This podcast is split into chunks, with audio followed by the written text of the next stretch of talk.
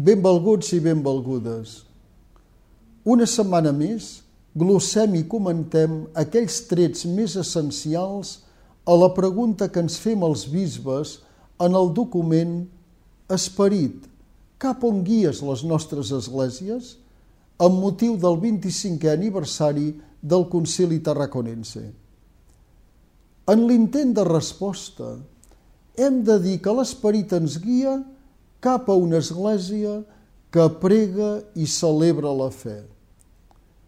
Precisament els bisbes, en l'apartat que dediquem al document sobre el poble de Déu que comunica l'Evangeli, diem Tots els batejats incorporats a l'Església en tant que poble de Déu són deixebles del Crist que perseveren en la pregària i el testimoni.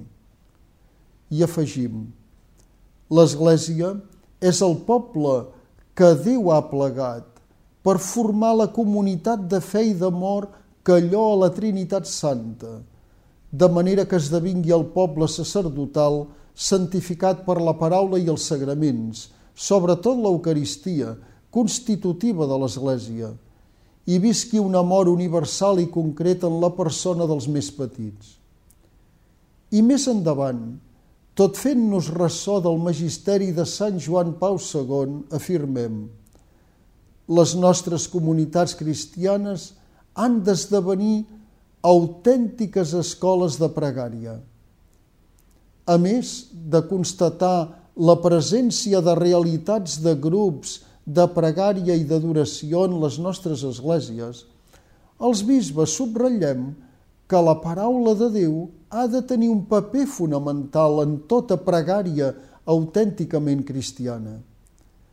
D'aquí que recomanem que les parròquies, en la mesura de les seves possibilitats, se celebrin comunitàriament i en l'Església les principals pregàries de les hores. Els qui som seguidors de Jesucrist podríem explicar la nostra personal vivència sobre la pròpia manera de pregar.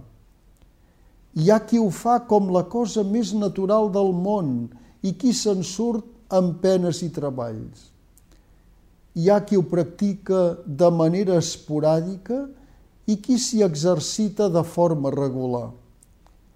Hi ha qui ho viu en solitari i qui ho comparteix amb d'altres, qui prega en silenci i qui s'expressa en veu alta qui resa amb mots espontanis i qui recorre a formes estereotipades. Hi ha qui necessita aïllar-se de tot i qui prefereix submergir-se en el brugit quotidià. Hi ha qui s'acull a hores i llocs convinguts, com a la parròquia, a la litúrgia comunitària de les hores o espais d'adoració del Santíssim Sagrament – i qui aprofita els moments més inversemblants?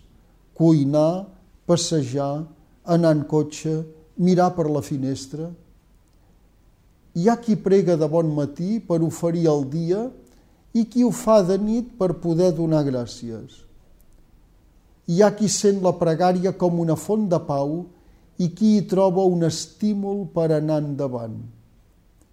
Hi ha qui hi troba Déu i qui de passada s'hi troba ell mateix. L'important és que l'esperit ens guiï a la pregària confiada i sincera. En aquest pòrtic de la Setmana Santa, que és el diumenge de Rams, demanem-ho de tot cor al Senyor.